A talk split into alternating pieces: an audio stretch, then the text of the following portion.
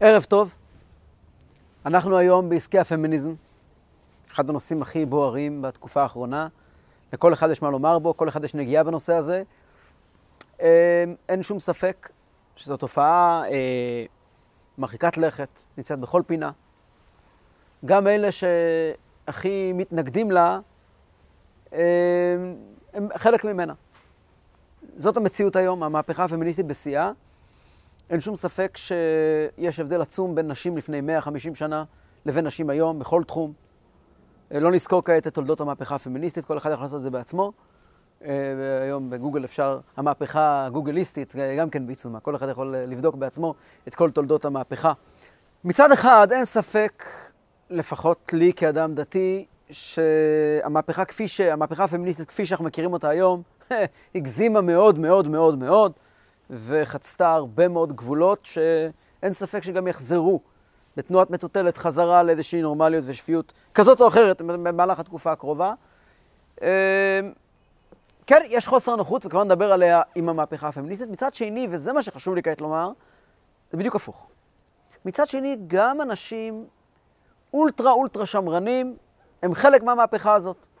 וגם בקהילות הכי חרדיות והכי uh, שמרניות, יש בתי ספר לנשים ובנות, מה שלא היה פעם, וזה, ויש קהילות שלמות שכולם שומעים עליהן, שמדברים שהגבר, ש-50 אחוז, אתה יודע, שלא לומדים, לא, לא הולכים לעבודה. למה לא הולכים לעבודה? איך הם חיים? הם לא חיים על תקציבים. הם חיים כי האישה הולכת אה, להייטק ועובדת קשה מאוד כדי לפרנס את המשפחה. אז באותם חוגים שהם כביכול מקדישים את כל חייהם, לא רק כביכול, גם באמת, מקדישים את כל חייהם ללימוד תורה, המציאות היא שהאישה יוצאת החוצה ועובדת, ובעבודות שבעבר נשים לא עבדו בהן, וכל כבודה בת מלך פנימה איכשהו אה, מקבל פרשנות אחרת. מה שאנחנו מנסים להבין כאן היום, זה העובדה הזו, שהפמיניזם כאן, והוא כאן כדי להישאר. לא יודע בצורה הזו או בצורה אחרת, אבל הוא כאן כדי להישאר. ושטח ששוחרר לא, לא יוחזר. הדבר הזה עצמו, איפה אנחנו עומדים מולו? איפה היהדות עומדת מולו? וכאן חושבני שישנם שתי שיטות מרכזיות ושיטה שלישית. שתי השיטות המרכזיות בעצם טוענות כמעט את אותו הדבר כמו שני צדדים. טענה אחת אומרת, התורה נאמרה פעם ונכתבה פעם ועוסקת בפעם. והתורה האמיתית מתחוללת בעיירה במזרח אירופה, או במי יודע, או בתקופת הברזל בארץ ישראל, שמה זה התורה האמיתית. אנחנו חיים בסוג של מצב של אין ברירה, כי הגולם קם על יוצרו והעולם מתפתח מהר מדי ורחוק מדי, ואין אה, תיאום בין התורה לבין החיים. לכן אם אנחנו רוצים באמת אה, להיות דתיים ולהתחבר לקדוש ברוך הוא, המקום הכי טוב היה אם היינו מסוגלים אה, לברוח ולחזור אל העבר. אם היינו יכולים לעשות כמה פעולות כדי למחוק את ההתקדמות, את ההתקדמות של העולם קדימה, וללכת אחורה, היה הכי טוב, היינו הכי קרובים לתורה. זאת גישה אחת. והגישה הזאת באה לידי ביטוי בים של דוגמאות. אני לא רוצה להאריך, כי כל אחד מבין בדיוק על מה אני מדבר, וזה מספיק, די במילים האלה. הגישה ההפוכה אומרת אותו הדבר. התורה נכתבה בשטייטל פעם, בעולם של פעם, בעולם של היום הוא עולם אחר, ולכן צריכים לעשות התאמות. התורה, כבודה במקומה מונח, יש לנו ארון קודש, אנחנו נורא אוהבים אותה, ויש לנו גם את החיים, והחיים הם לא תורה, ואנחנו צריכים לדעת לשלב גם תורה, גם חיים, גם להיות אדם מודרני, וגם uh, מזה ומזה אל תנח ידך. שתי הגישות האלה גם יחד אומרות שהתורה והעולם הם אויבים. הגישה השלישית, שהיא הגישה החסידית, טוענת למרבה הפלא שאין עוד מלבדו, והקדוש ברוך הוא בורא את העולם בכל רגע. וכל דבר שמתפתח בעולם וקורה בעולם הוא תנועה אמיתית. הבעל שם טוב אמר שכשאיוון וסטפן מדברים בבית מרזח, זה גם אלוקות. אה, כמובן, מה שהם אומרים, אה, לא יודע אם מותר לחזור עליו ומותר בכלל להקשיב לו. אבל התוכן של הדברים, האנרגיה שעוברת בעולם בין גופים שונים, ששני בני אדם עומדים ומדברים ויש שיח מסוים, ומתחילה תנועה מסוימת, זו תנועה אלוקית. היא מגיעה בצורה מקולקלת, היא מגיעה בצורה לא מתוקנת, שצריכים הרבה הרבה לעבוד כדי ללטש אותה ולדייק אותה. אבל אם ישנה תנועה בעולם, זה דבר אמיתי, דבר קדוש, וצריכים לדעת רק איך, אה, איך, איך לסנן אותו. אז כאשר אנחנו עומדים מול, מול אותה מהפכה פמיניסטית, שכולנו עומדים מולה, וכולנו חיים איתה, וכולנו חלק ממנה, אם נרצה ואם לא נרצה, אנחנו יכולים לשמוח ויכולים יכולים לקלל ויכולים לברך, אבל כולנו חלק ממנה, מוכרחים להבין, לשבת ולפתוח את הנושא הזה ולהבין מה בעצם קורה כאן. כדי להבין את זה, אני רוצה לפתוח את הנושא הזה עצמו של הלכה, תורה, עבר והווה. דיברנו בעבר כמה פעמים על הנקודה הזאת, שהיהדות מתקיימת בין שני כתבים. ולכל אחד מהכתבים האלה תפקיד אחר ביהדות, בעיצוב של היהדות כדבר חי. בקוטב האחד עומד מתן תורה. ומתן תורה שולח אלומה של לייזר בצורת מסגרת ממתן תורה אל הנצח. אחד משלוש עשרה האמונות שלנו, התורה הזו לא תהיה מוחלפת. ההלכה, התורה שניתנה במתן תורה, היא זורקת את אותה אלומת אור, את אותה, את אותו אלומת לייזר, שאי אפשר לצאת ממנה, וזה עובר לאורך כל ההיסטוריה, כחוט השני. אין דור שנפלט מתוך הסיפור הזה, אין מציאות שנפלט מתוך המציאות הזה, מתוך, מתוך המסגרת הזאת של מתן תורה, forever and ever. מהצד השני עומד כוח שאולי הוא סוג של מגנט, שמושך אותנו אליו, וזאת הגאולה. הגאולה לא עוסקת במסגרת, היא עוסקת בהתקדמות בתוך המסגרת. הגאולה היא נמצאת בצד השני, והיא בעצם סוד ההתקדמות של היהדות, והיהדות היא דבר מתקדם, היא דבר חי. הטעות, אחת הטעויות הגדולות שמדברים עם אנשים היום, עם בני נוער, עם כל מיני, צריכים לשמור את התורה, להניח תפילין, כי סבא שלך היה דתי. אני חושב שאלו מילים קצת מטופשות. סבא שלי היה דתי, זה נכון, אבל אני יכול לספר לך עוד כמה דברים על סבא שלי. סבא שלי גם כן, אה, לא היה לו טלפון חדש, וגם לא היה לו רכב. מה אתה, הוא היה דתי, נכון. העולם של פעם היה עולם דתי יותר. למה אני אמור להיות דתי? כי סבא שלי היה דתי. אבל אלפי שנים סבא שלך, המשפחה שלך היא דתית. נכון, אלפי שנים המשפחה שלי דתית, ואלפי שנים המשפחה שלי שאבה מים מהבאר. אני בן אדם מודרני, מה אתה רוצה מחיי? כן, אבל אתה לא מבין, איך אתה יכול לנתק את עצמך משלשלת הזהב של כל הדורות? תקשיב, אני לא יודע, אתה מדבר על שלשלת זהב, אולי זאת הייתה שלשלת שהייתה מאוד נחוצה להם. אני נמצא בעולם אחר, אני אדם, אני, יש לי, יש לי היום את ה... עם, עם, עם, עם השלט של הטלוויזיה, אני יכול לרוץ לראות סרטים בכלל ב, בשפות זרות, אני יכול ברגע זה לשבת ולראות מה שרואה ילד בקליפורניה. אז אני יושב פה ב-16, בן 16 בישראל, מול הטלוויזיה עם ה... איך קוראים לזה? עם השלט? לא, שלט של טלוויזיה מיוחד, של, של חוץ לארץ, איך זה נקרא? כבלים. נטפליקס, נטפליקס. אני יושב עם הנטפליקס, ואני יכול עכשיו לראות בדיוק, אין שום הבדל תרבותי ביני לבין ילד בהולנד ובקליפורניה. מה אתה רוצה מחיי? מה אתה רוצה מחיי? בגלל שלאבא שלי, אתה אומר, אני יהודי, אז, אז, אז אני צריך לראות טלוויזיה בעברית, כי פה בארץ אה, קיבלו תקציבים על, על, על, על שידור, כאילו, לכן, מה אתה רוצה? במה אני בכלל יהודי, במה אני שייך לכאן? כל זמן שאנחנו משתמשים ברטוריקה שאומרת, אנחנו יהודים בגלל שהעבר, אנחנו בעצם אומרים, ולהיות יהודי זאת אומרת להיות תקוע בעבר. וזו טעות.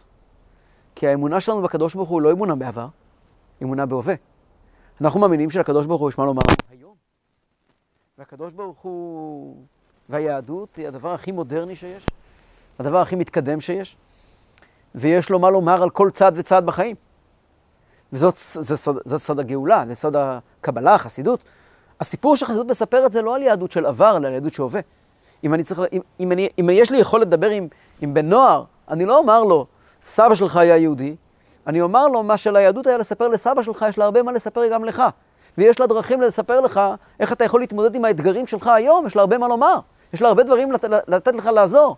לעזור לך, והדרך שהיא תגיד לך, היא לא, היא לא תאמר לך, תקשיב, עכשיו אתה צריך אה, להיכנס ולחיות כמו כת אימיש, ללכת אחורה בזמן, ובעצם כל החיים שלך יהיו איזושהי בריחה מתוך החיים, מתוך המציאות, אל העבר. אם אלוקיך הוא אלוקי העבר, בבקשה, אבל אלוקיי הוא לא אלוקי העבר. אלוקיי הוא אלוקי ההווה.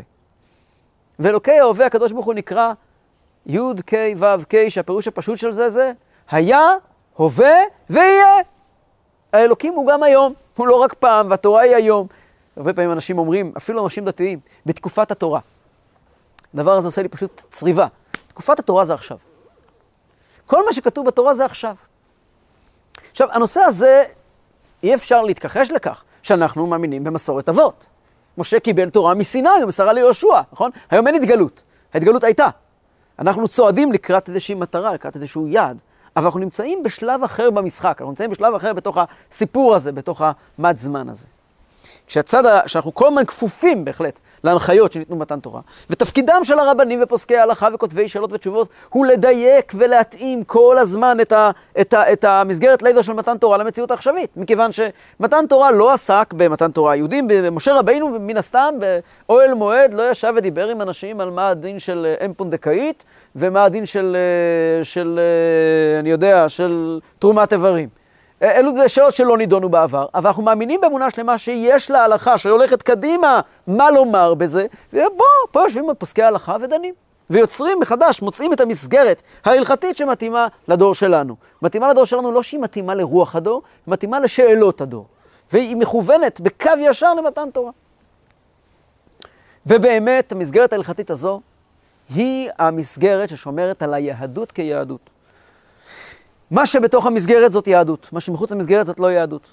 ובכלל לא משנה מאיזה צד. יכול בן אדם שיוצא מהמסגרת מצד אחד אומר, תקשיב, זה מדי מדי מיושם בשבילי, אני צריך יהדות חלופית, והם היום צריכים אה, לתקן את ההלכה בנקודה א', ב', ג', אז אני, אני לא בא להתווכח איתו, כי אני, אין לי מה להתווכח איתו. אין לי על מה להתווכח איתו. יכול להיות שהוא צודק, לא, אנחנו לא מדברים בכלל על אותו אלוקים, לא מדברים בכלל על אותה יהדות. הוא מדבר על אלוקי העבר, אני מדבר על אלוקי ההווה, לא אשר לא, הוא לא בתוך היהדות שלנו. זה מצד אחד. מצד שני ישנם כל מיני אולטרה שמרנים וכל מיני רבנים שמרשים לעצמם לעבור על ההלכה אה, אה, במקרים קיצוניים מאוד, לעבור על ההלכה ולהגיד זה לא נכתב בשבילי. גם זה, גם לצד השני, זה כבר חורג מה, מה, מהתחום שלנו. ההלכה הזאת היהדות. ובמשך כל הדורות, אלו שחרגו מההלכה, הם חרגו מהיהדות. זה המסגרת. הפנים, זה כבר קשור לגאולה. וזה התוכן של מה אנחנו בעצם עושים כאן. למה אנחנו נמצאים כאן. וכפי שכבר נבין, התנועה הפמיניסטית נובעת מההבדל הזה שבין הפנים למסגרת. היחס בין יהודים לקדוש ברוך הוא יחס של זכר ונקבה. כל מגילת שיר השירים נכתבה על זה. מיד בתחילת שיר השירים נאמר שיר השירים אשר לשלמה, והשורה הבאה היא שקני מנשיקות פיהו כי טובים דודיך מיין. רש"י על המקום מדבר בדיוק על זה. על היחס בין זכר ונקבה, בזמן מתן תורה ולעתיד לבוא. רש"י אומר ככה, ומפה אנחנו נתחיל להתקדם לתוך הרעיון, עוד עתיד הוא להיגלות עליה. היה לנו, קיבלנו מהקדוש ברוך הוא נשיקה. מתי? מתן תורה. והוא עוד אמור לבוא ולתת לנו נשיקה נוספת, והפעם נשיקה כפולה. נשקני מנשיקות פיו זה נשיקה כפולה, ומתי זה יהיה? בגאולה העתידה. מסביר רש"י מה הכוונה. במתן תורה קיבלנו את המסגרת, אומר רש"י. קיבלנו מהקדוש ברוך הוא את ההלכה. ובגאולה נקבל סוד טעמיה ומסתר צפונותיה. זה לשונו של רש"י. סוד טעמיה ומסתר צפונותיה, כמו שכתוב, תורה חדשה מאיתי תצא. תורה חדשה מאיתי תצא, אין הכוונה חלילה וחס שיבטל אות אחת מדברי התורה, שהרי התורה הזאת לא תהיה מוחלפת, אלא, כדברי הגמרא, חידוש תורה מאיתי תצא. התורה תתחדש. התורה תקבל צבעים חדשים, צבעים של אינסייד, סוד טעמיה ומסתר צפונותיה. הנביא יושע ובעוד מקומות מדבר על ההבדל הזה בין, יציאת מצר... בין, בין מתן תורה לבין הגאולה העתידה, כהבדל שבין אירוסין ונישואין. מה ההבדל בין אירוסין לנישואין? בימינו זה אותו דבר. בימינו האירוסין והנישואין שניהם, שניהם מתחוללים תחת החופה, כאשר אה, באירוסין החתן שם אה, טבעת על האצבע של הכלה. מה שקוראים היום אירוסין זה לא אירוסין, זה שידוכים. אירוסין זה, שהתורה אומרת, נערה מאורסה, בימינו זה נקרא מקודשת. תחת החופה אנחנו מקיימים בעצם שתי, אה, שתי פעולות הלכתיות שונות, אה? אירוסין, אירוסין, אירוסין זה קידושין. תחת החופה אנחנו עושים אירוסין ונישואין. אירוסין זה כאשר התורה ציוותה עלינו, שכאשר גבר נושא אישה, הוא חייב קודם לכן לקדש אותה. באחת משלושת הדרכים, ונהגו ישראל לקדש בטבעת, שהוא נותן לה טבעת ואומר לה, הרי את מקודשת לי בטבעת זו כדת משה וישראל. מה היא עושה? שותקת. נכון?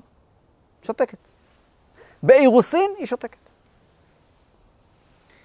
הוא נותן לה, והיא שותקת, ובזה, זה נקרא אירוסין.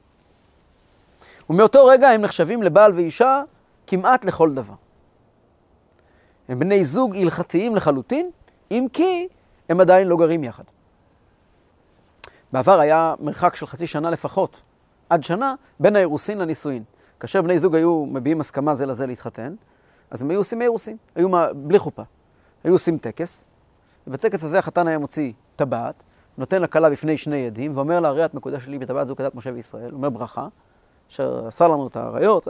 ברוך אתה השם מקדש עמו ישראל דרך חופה וקידושין, נותן לה את הטבעת, וזהו. ניפגש בעוד שנה, קובעים תאריך, במשך השנה הזאת היא אשתו, אבל הוא לא חי איתה.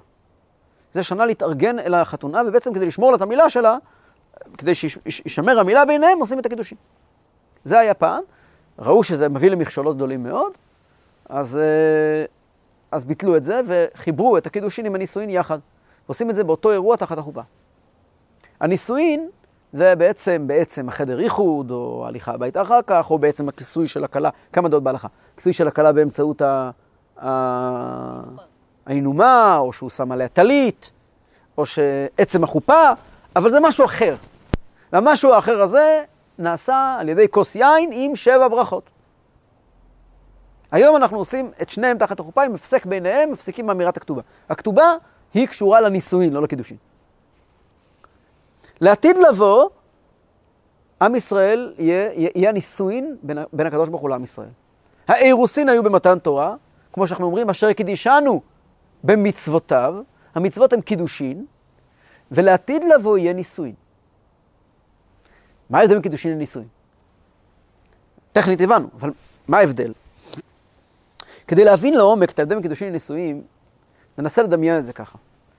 אני חושב שההבדל שאפשר לדמיין את זה בימינו, כמו ההבדל בין חגיגת חודש לנישואין, לבין חגיגת 25 שנה.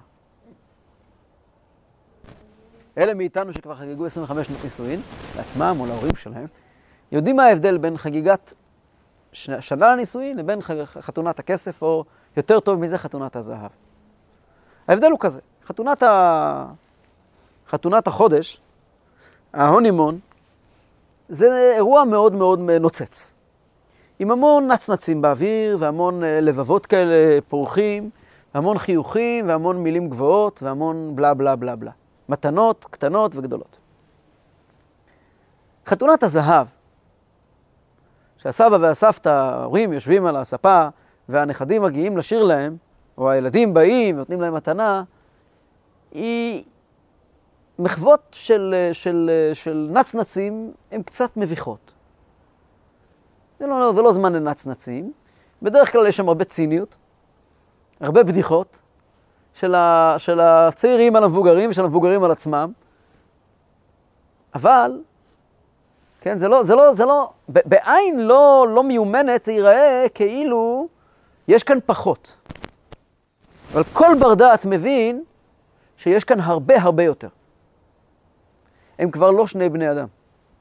הם כבר הותחו לאחד. הם כבר הגיעו למצב של אחד ועוד אחד שווה אחד, ולכן זו הסיבה שקצת לא נעים עם כל הנצנצים, כי, כי מה אתם נכנסים בחיים שלי? החיים שלי זה לא שם. זה מין חשיפה כזאת שהיא לא נעימה לאף אחד. תן דוגמה לעניין הזה. כואבת לנו הרגל. תן דוגמה לעניין הזה מכיוון אחר, הוא נקודה אמיתית, חסידית, עמוקה, שקשורה לעצם של חסידות. היה פעם סיפור בישיבה, שאחד מהתלמידים שלמדו בישיבה לפני הרבה שנים, אה, יצא לחיים והצליח, ועשה חיל בהעסקה ונהיה עשיר מופלג. מופלג, נהיה עשיר. ומתוך הכרת אה, כבוד ותודה לישיבה שהוא למד בה, והוא היה תמיד, אה, הוא היה חלק מהישיבה עד יומו המתקדם, החליט שהוא רוצה לתרום לישיבה. אז הוא הגיע לישיבה, נדבר על ישיבה מסוימת, זה סיפור אמיתי. ישיבת תומכי תמימים, חב"ד, בוורשה. הוא הגיע לישיבה ותרם לישיבה כמה פעמים סכומים מאוד גדולים. הוא למד בתומכי תמימים בלובביץ'. עכשיו, בתומכי תמימים בישיבה מדברים על זה שיהודי צריך להיות רציני ולא להתעסק עם שטויות. ו... יום אחד היה לו יורצייט, אני יודע מה היה לו, החליט שהוא נותן ארוחת צהריים טובה. אז הוא שילם לאיזה קייטרינג טוב, שבמקום מה שאוכלים בישיבה, אתם לא יודעים מה אוכלים בישיבה. אני אתן לכם רמז, לא אוכלים. לא בגלל סיבות קדושות. אני, כשאני למדתי בישיבה, גם בכפר חב"ד וגם בסמסמתי, אני זוכר ארוחות שלא היה מה לאכול. לא, לא דמיון ולא שום דבר, ואני לא כזה לתקן. אני זוכר את עצמי נכנס למטבח של הישיבה בסמסמתי, ופשוט, מה יש לאכול היום ארוחת ערב? לא יודע, אצבעות של דג, ויש אצבע אחד לכל תלמיד. אני זוכר ימים כאלה. היו תקופות. אולי זה עדיין, אני לא יודע. בישיבה, לא, בוא נגיד שהצד הקולינרי זה לא הצד החזק של הישיבה. והוא נתן שם ארוחת צהריים טובה. שלהם, שיביאו אוכל טוב, זה היה בפולניה, הפולנים יודעים להכין אוכל טוב. לא יודע כמה הוא טעים, אבל הוא טוב. יקר. אחרי תפילת מנחה, הבחורים ירדו לאכול. וגם הוא ירד איתם, לעשות ציון מסכת, אני יודע, היה לו יורצייט. הוא יורד יחד עם הצוות של הישיבה למטה. הוא, לנגד עיניו מתגלה מחזה שהוא לא פילל ולא מילל. כל בחורי הישיבה, הרכים והענוגים, קופצים על האוכל. ובפראות מזיזים אחד את השני, וחוטפים מהאוכל, ולוקחים עוד, וברעש, ואיזושהי התנהגות קצת לא מתאימה. והיות שהוא היה עשיר, והעשיר יענה עזות, אה, קצת חצוף, אז הוא אמר להנהלת ישיבה, סליחה, זה אתם חתמימים, ככה מתנהגים בחורים שמתחנכים על עבודת התפילה ועל... אה, הוא שפך, שפך. אחד מחברי הצוות שם היה החסיד הגדול, רב אלתר שמחוביץ', הוא היה משפיע שם. ואלתר שמחוביץ' אמר לו, בוא, בוא, בוא, בוא, בוא, בוא, בוא, בוא, אני אסביר לך בדיוק מה אתה ראית, ואתה תבין מאוד טוב שזה סימן שאלה לא עליהם אלא עליך. זה לא נשא פנים. אני אסביר לך. מעשה בעני אחד שהגיע בערב שבת אל העיר.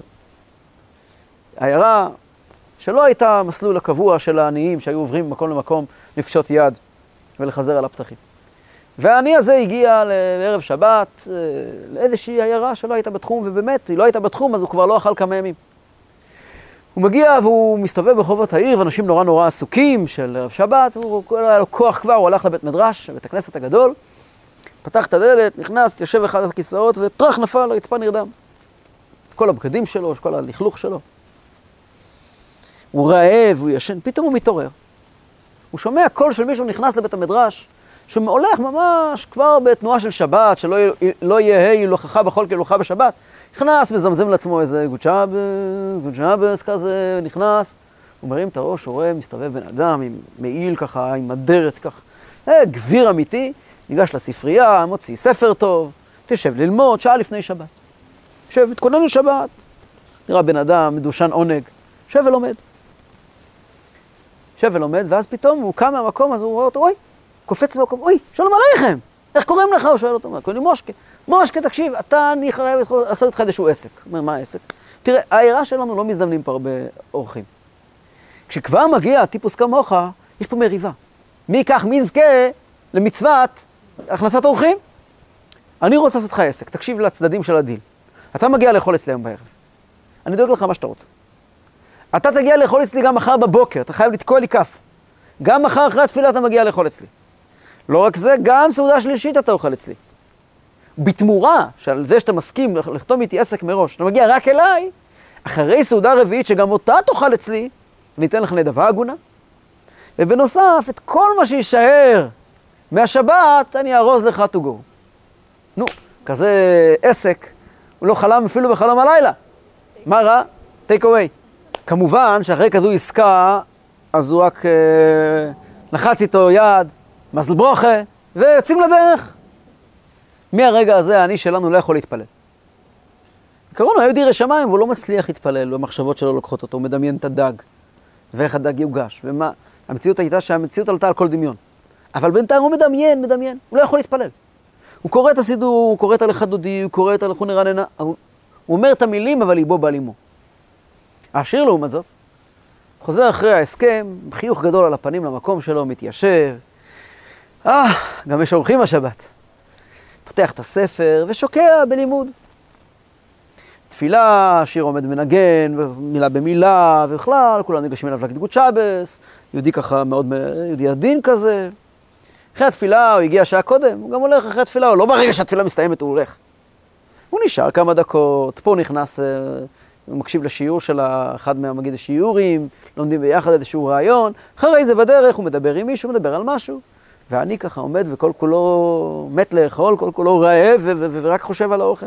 והוא עסוק, שבת היום, שבת היום, מה ממהרים? הם הולכים הביתה והשיר הולך צעד אחר צעד, ברגע שהוא רואה שככה אני כל כולו זה, אז הוא מיהר קצת.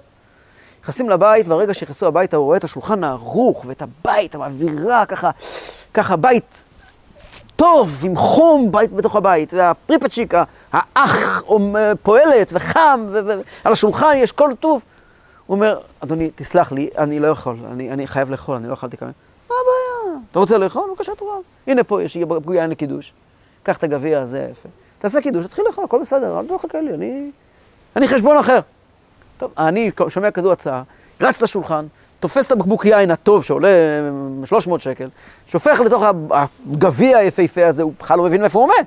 הוא עושה קידוש, מהר רץ איתו ידיים, תופס את החלה, ואוכל את החלה מתחילה לסוף. הוא סולל את כל הסלטים, והבעל הבית מסתובב בבית מבסוט, נהנה, איזה שם זיכה אותו, וכזה אורח, הוא שר שלום עליכם, אחר כך הוא שר אשת חיל, ואחרי זה הוא אומר יהי רצון כזה, ויהי רצון אחר, ואז הוא מפטפט עם החתן שלו, ואז הוא מסתכל על הנכד שלו, בסוף, בסוף, בסוף הוא מתיישב, וכל המשפחה, מת... הוא כבר, הוא באמצע האוכל. הוא אומר, הוא, משר... הוא מסמן למלצרית, שמשרתת שם בבית, תדאגי לו מה שהוא צריך, תשימי לו בצלחת.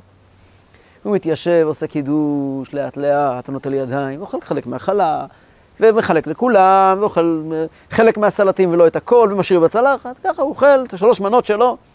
אני כבר מפוצץ באיזשהו שלב, ובעל הבית מסמן לו, אתה רעב, תאכול את ברכת המזון, הוא הולך. בקיצור, האני שלנו עובר ברכת המזון, למחרת העניין חוזר על עצמו, אותו דבר בסעודה שלישית, לא אלאה אתכם בפרטים, אבל זה היה אותו דבר. מוצאי שבת, סעודה רביעית, קורא השיר לאותו עני ואומר לו, הסכם זה הסכם, אתה חייב לבוא אליי סעודה רביעית גם כן. טוב, הסכם זה הסכם, אני נאלץ לקיים את ההסכם כדי לקבל, טוב, לא נראה כזה מסכן. אחרי תפילת ערבית הם הולכים ביחד הביתה. לוקח זמן עד שמגיעים הביתה. מגיעים הביתה, השיר פותח את הדלת, ועל יד הדלת עומדת המשרתת, חיוורת. אומרת לו, אני, אני, אני, אני נורא מתנצלת, אבל הייתה בעיה בתנור. בתנור אפייה. חומר אה, בעירה נגמר בערב שבת, לא שמתי לב. במילא אין, לא היה דלק ולא יכולתי להדליק את התנור, אני ממש מתנצלת, אבל אין, כמו שאתה נוהג, בסעודת מלווה מלכה, לאכול לחם חדש של מוצאי שבת. יש, נשאר חלות משבת, אבל, אבל לחם חדש אין. כלכלה רועדת, והוא מרים עליה צעקות. הוא מרים עליה צעקות. לא יכולת לשים לב ביום שישי שחסר, לא יכולת לבדוק את זה ביום חמישי, למה, למה דברים כאלה קורים פה בבית הזה? איזה הפקרות, מה שאני לא עושה בעצמי, אף אחד לא עושה. עכשיו יהיה לנו סעודה שלישית, סעודה רביעית, בלי לחם חדש. הוא צועק, צועק, צועק, צועק, צועק, אין לחם חדש. לא רוצה לאכול. לא רוצה לאכול, מרים צעקות, אומר לה, אני, תקשיב, כל מה שיש פה תיקח איתך בזה, תעוף לי מהעיניים, קח כסף, ההסכם בינינו, יאללה, להתראות, קח את הכסף. שואל רב אלתר את אותו השיר בישיבה, תגיד לי, מי מהם יותר מונח בגשמיות? אני ששבת שלמה חשב רק על אוכל? או העשיר שעבד את השם בקדושה ובטהרה שבת שלמה, וכביכול לא עניין אותו אוכל. מי מהם יותר מונח בגשמיות? חד משמעית העשיר יותר מונח בגשמיות. הוא כל כך מונח בגשמיות, שזה כבר לא מרגש אותו. תראה מה קורה כשלוקחים לו את זה. אומר לו באלתר לאותו יהודי, אתה רואה, קופצים, אתה יודע כמה הם לא אכלו? אז הם מתלהבים. So what? זה רק אומר שזה לא הם. אם אני אקח לך הרגל אחד, לשן, לילה אחד אני אקח את הכרית שלך, ואתן לך כרית אחרת, אתה לא תכעס עליה כמו אני לא יודע מה, כי אתה מונח בגשמיות באמת. אתה יכול לשבת ולהתפלל, אבל אתה באמת חתיכת גשמיות בעצמך. למשל מאוד מאוד עמוק, חסידי. הוא נכון באלף תחומים. וגם בנושא שלנו. כשיש התלהבות וניצוצות בעיניים, סימן שזה עוד לא אמיתי. אחד מהסימנים לדעת על בני זוג שיש ביניהם איזושהי בעיה, זה כשמתחילים לראות יותר מדי תמונות שלהם ביחד, עם, עם, עם, עם, עם, עם, עם לבבות, כן? זה סימן מובהק שמשהו שם לא בריא. כשבני האדם חיים כאחד, אין ניצצות. זה ההבדל בין אירוסין לנישואין. ואם נלך לדבר על, על, על המשל של מתן תורה והגאולה העתידה, מתן תורה נתן לנו מסגרת, אנחנו לומדים מול המסגרת, זה נקרא אירוסין. מה זה אירוסין? אירוסין פירושו שיש כעת חוזה בין הגבר והאישה, אנחנו נתחתן. והחוזה הזה פירושו שזה לא החיים שלי וזה גם לא החיים שלך. אנחנו שנינו הולכים למקום שהוא לא אנחנו. מתחילים תהליך. את תינשאי לי, עם כאלה פרחים וזיקוקים, כן? כל הפרחים והזיקוקים האלה אומרים, זה לא אני. והם אומרים, וזה לא את, ולכן יש פה כל מיני התלהבויות. ההתלהבויות האלה כולן הן מכיוון שאנחנו עושים משהו שהוא לא אנחנו. הוא הכרחי, הוא לא אנחנו. וככל שיותר מתלהבים, ככה זה יותר לא אני. אתם יודעים, פעם אה, אומרים שחשפו נאום של אחד מהנואמים הגדולים בכנסת, לא זוכר מי, והיה כתוב שם באיזשהו נושא שהיה מאוד מאוד חם. והיה כתוב שם בהערת שוליים, בצד, בצד ימין, על יד הנאום, על יד אחד מהקטעים, בקטע זה הטיעון איננו מספיק, יש להרים את הכל. כשבן אדם מתעצבן ממשהו, זה מראה על בעיה. דיברנו כמה פעמים בעבר שרבנים שצועקים יותר מדי על כל מיני נושאים שהשתיקה יפה להם, זה לא רק רבנים, בכלל אנשים, זה, זה מראה שמישהו פה צריך לטיפול וזה לא דווקא אלה שהוא צועק עליהם. אתה יותר מדי מתעסק עם זה, משהו פה מפריע לך. משהו פה מפריע לך. וה, וה, והמאבק הזה שלך עם עצמך בא לידי ביטוי ברעש חיצוני. אם אני מרגיש את היד שלי, סימן שיש בה בעיה. אם אני חי נכון, אין לי בעיה עם שום דבר. היהדות של מתן תורה ניתנה לנו בקולות וברקים וקול שופר חזק מאוד, כי היא לא טבעית. העולם לא היה טבעי לא לקבל תורה. זה לא המקום שבני ישראל בבית עבדים, הם מתאימים להם בכלל. והגיעו חוקים, וחוקים הם כאלה וכאלה, זהו חוקי הפורמט, וכן, בהתחלה חטפו הרבה מכות בצדדים. במעמד הר סיני בני ישראל קמו ואמרו, נעשה ונשמע.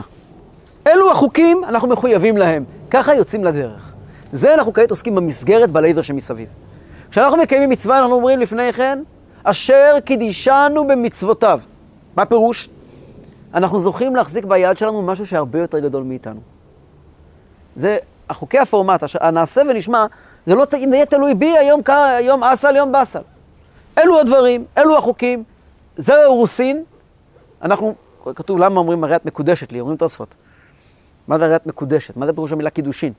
אומרים תוספות, כמו שבהקדש, אני אוסר את זה על כל העולם, אני מגיע ואני מנתק אותו מכל העולם. אז גם פה אנחנו מנותקים מכל העולם, אשר כדי שלנו מצוותיו. מחויבים, יש לנו התחייבות, אנחנו עבדים לשמיים. זה נקרא מתן תורה. ומזה באמת לא נזוז ולא נסור ימין ושמאל לעולם ועד. אבל זה באמת המסגרת של האירוסין. המסגרת של הנישואין זה סיפור אחר לגמרי לגמרי. סוד טעמיה ומסתור צפונותיה זה משהו אחר לגמרי. חז"ל אומרים מצוות בטלות לעתיד לבוא. איך יכול להיות דבר כזה? הרי התורה לא תהיה מוחלפת. הכוונה היא שכל היחס של מצווה ומצווה, כל הפער הזה הולך להיעלם. זה כמו בני זוג, בני חמישים, בני חמישים, חמישים, בני חמישים שנות נישואין, שאין ביניהם חוקי משפחה. אין ביניהם חוק של אתה מוריד את הזבל ואת שוטפת כלים, וכן עשית אתמול ותדליק את האור ותכבה את האור. אין ביניהם מריבות כאלה. הם אחד. במילא הוא מוריד את הזבל וקונה. אין את חשבנויות של זוג צעיר לפעמים, אני עובד יותר, אני מבין, כל מיני מריבות, ההורים שלך וההורים שלך. זה לא קיים אצל אנשים שחיים 50 שנה ביחד. זה אחד ועוד אחד שווה אחד, אנחנו כבר אחד, על מה אתה מדבר? יש פה איזה שהם חוקים? זה החיים שלנו. אלו החיים עצמם. סוד טעמיה ומיוסר צפונותיה זה לתפוס את החיים מהנקודה הפנימית שלהם, לא מהחוק הצדדי שלהם. ומכאן למהפכה הפמיניסטית.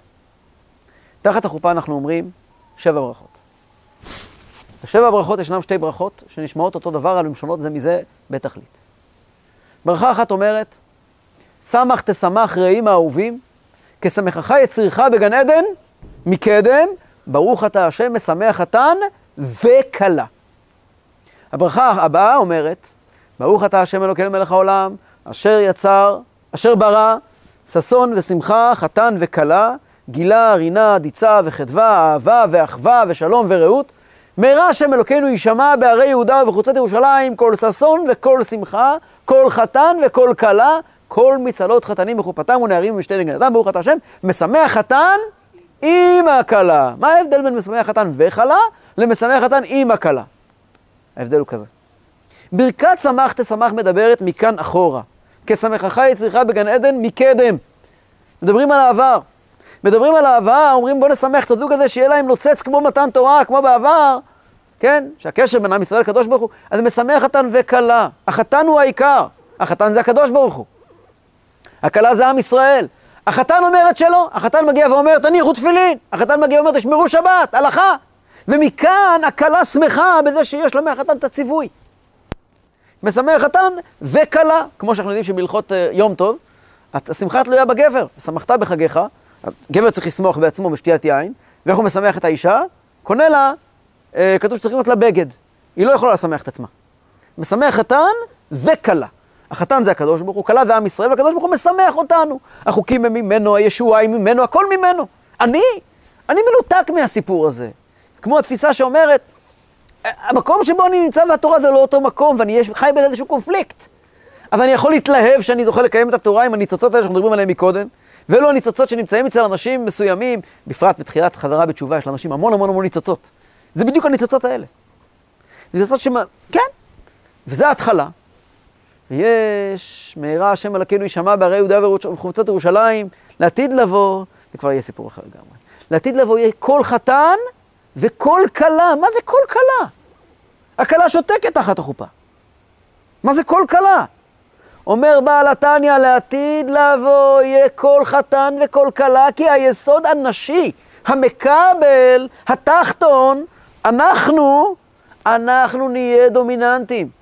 זו אישה כשרה, העושה רצון בעלה, היא עושה לו את הרצון, היא מנהלת אותו.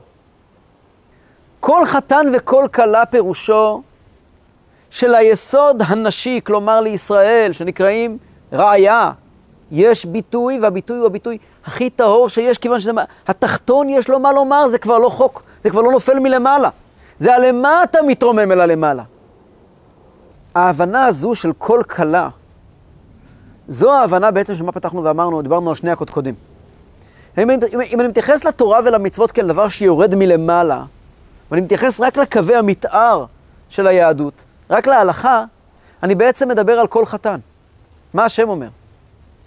ככל שאני מתעסק יותר עם, בכלל, תורה שבעל פה היא עניין של כלה, מקום שלנו, אבל יותר מזה, בסוד טעמיה ומסתר צפונותיה, אני מדבר על החיבור, עלינו. ובחיבור, הכלה, יש מושג שנקרא אשת חיל עטרת בעלה. מה זה אשת חיל עטרת בעלה? היא הכתר של הבעל, היא למעלה מהבעל. צא נעורנה בנות ציון במלך שלמה, בעטרה שיתרה לו אמו ביום חתונתו ויום שמחת ליבו. מה הכוונה? שיבוא יום, ישנו יום שבו המלך שלמה, או מי שהשלום שלו, הקדוש ברוך הוא, מקבל עטרה מעם ישראל. עם, עם ישראל מתרומם למעלה משורש העולם, למעלה מבחינת המלך שלמה, למעלה מבחינת הקדוש ברוך הוא. שורש ישראל מתרומם, זה נקרא עליית המלכות, שמתגלה שהעולם הוא לא סתירה לכלום. וזה קורה בחסידות. ככל שלומדים יותר חסידות מבינים שהעולם הוא לא אויב, העולם הוא לא סתירה. והדבר הזה בא לידי ביטוי בצורה מאוד בולטת במהפכה הפמיניסטית. ולמה? המהפכה הפמיניסטית היא פרט מרכזי, אבל רק פרט, בתוך מערכת של מהפכות, שהמשותף לכולם זה שהפרט מתעורר. שאין יותר הנחתה מלמעלה. היום, אם אתה רוצה לדבר עם בן אדם על תורה ועל מצוות ועל חיים, ולא משנה מה, ועל מוסר, הדרך היא לא לבוא ולומר לו, אלו החוקים ואלו תנאי המשחק. אתה לא יכול לדבר ככה עם אף בן אדם. אף בן אדם לא יכול לחיות בצורה כזאת. היום החיים הם שהפרט נעמד ואומר, אני רוצה להיות מחובר. כל כלה. והכל כלה הזה, זה הכל, הצליל המדויק, שוב, בהתאם לכללי ההלכה, אבל זה הצליל המדויק שאליו מתנגנת מנגינת הגאולה. כשהמשיח יבוא, בעניין בית המקדש השלישי, זה בעניין שכל כולו יושב על אישי ישראל ותפילתם, על המקום שלנו בתוך הסיפור.